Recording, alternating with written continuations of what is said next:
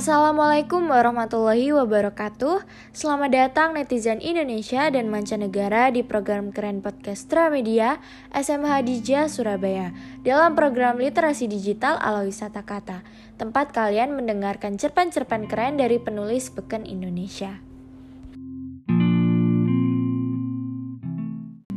Sepucuk Surat Karya Pamusuk NST Ketika Pakemon sedang membaca koran pagi di teras depan rumahnya, sambil menikmati secangkir kopi Arabica, seorang kurir dari kantor tempatnya bekerja tempo hari datang. Kurir itu mengabarkan Pak Presdir baru saja meninggal dunia. Saya mengantar ini pak, kata kurir itu seraya mengajukan surat ke tangan Pak Kemon. Dari siapa? Tanya Pak Kemon. Tidak tahu pak, saya cuma disuruh antar, Pak Kemon mengira itulah sepucuk surat yang ditunggu-tunggunya 20 tahun lalu. Ternyata surat itu dari Pak Presdir almarhum. Apa Bapak tidak ingin melayat?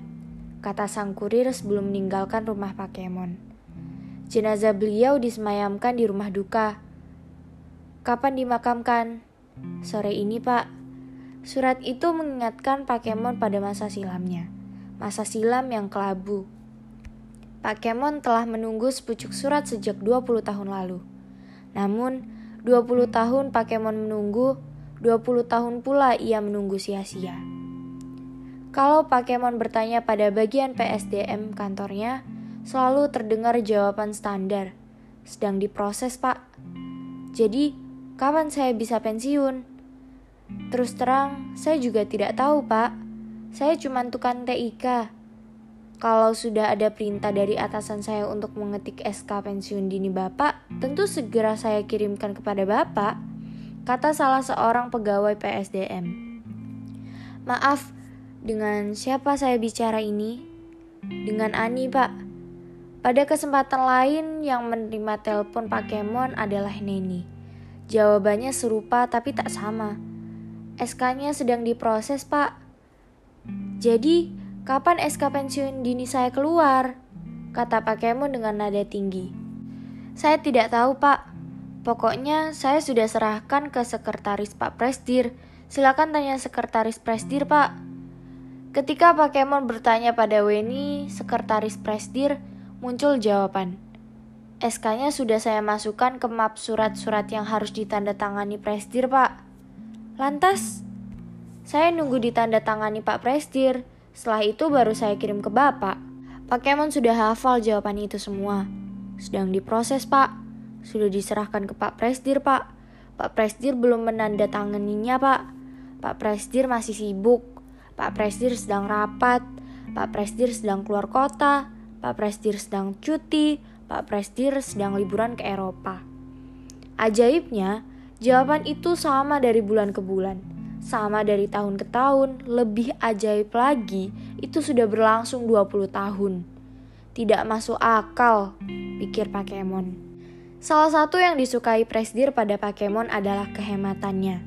Pakemon kesohor sebagai orang yang super hemat. Dalam soal uang, ia selalu berpihak pada kepentingan perusahaan. Kalau sudah soal hitung-hitungan, Pakemon mirip pemilik perusahaan.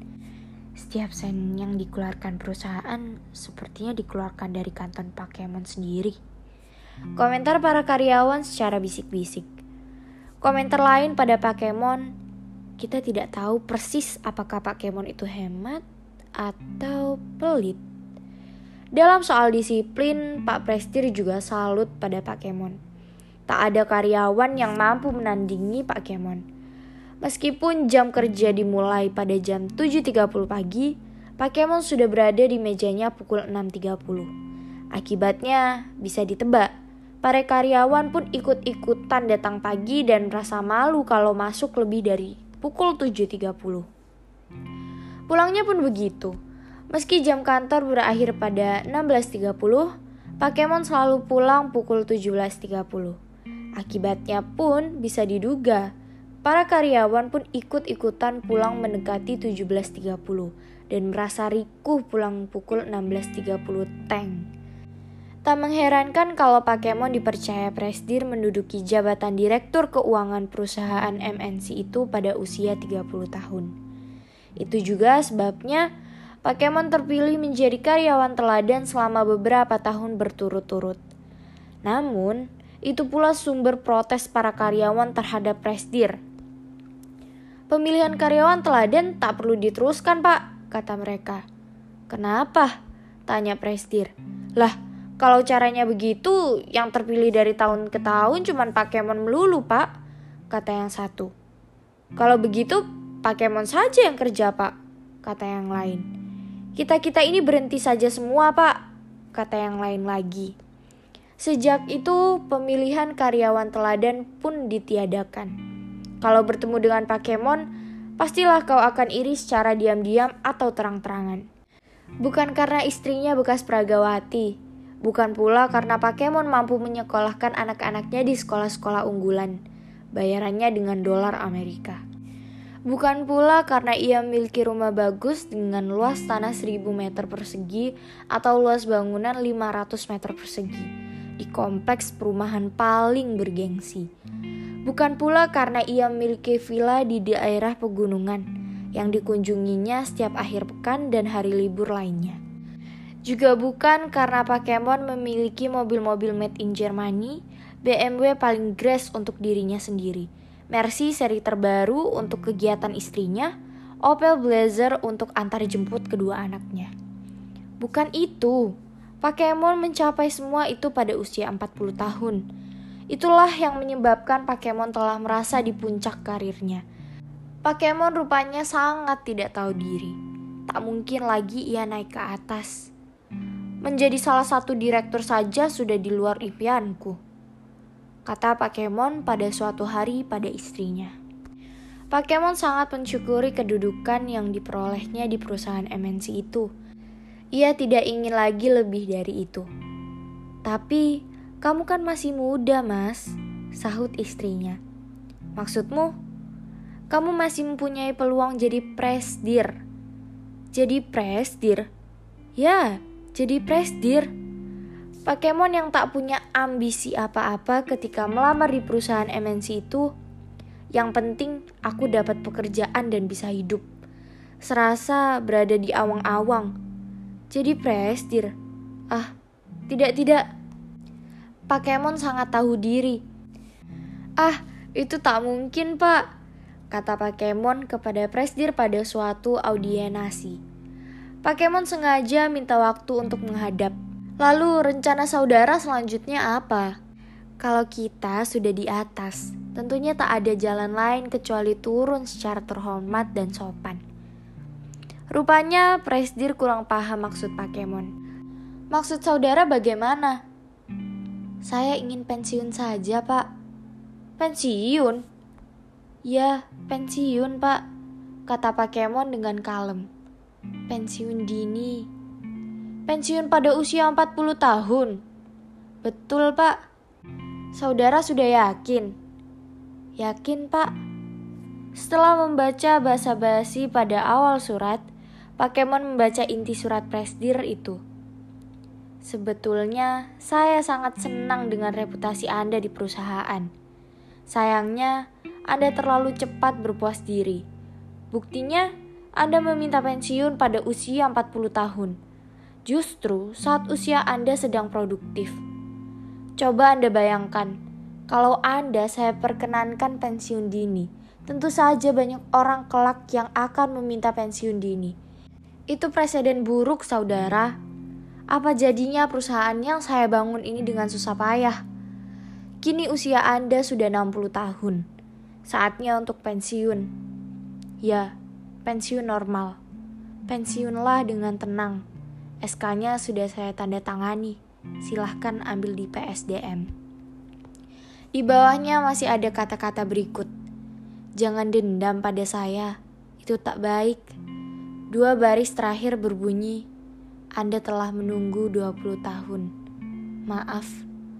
Setelah tanda tangan Pak Presdir, masih ada NB yang berbunyi. Saya ingin menyampaikan satu hal pada Anda. Sebenarnya, saya menjagokan saudara sebagai kandidat pengganti saya kelak. Sayangnya, saudara bersikuku minta pensiun dini.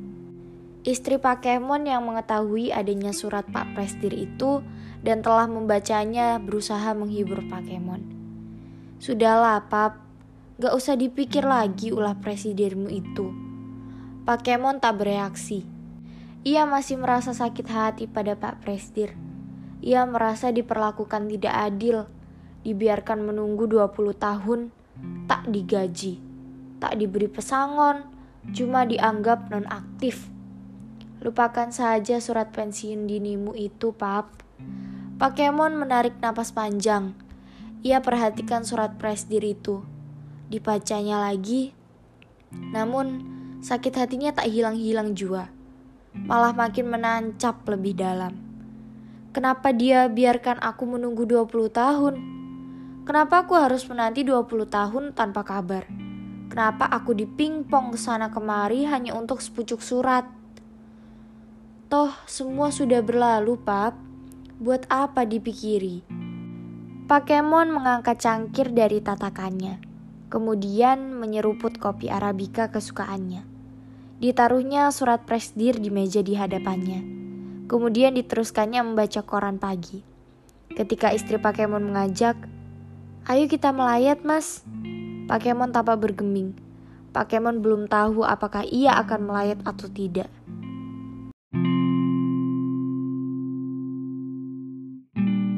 Demikian netizen Indonesia dan mancanegara podcast Media SMA di Surabaya dalam program Literasi Digital ala Wisata Kata edisi kali ini.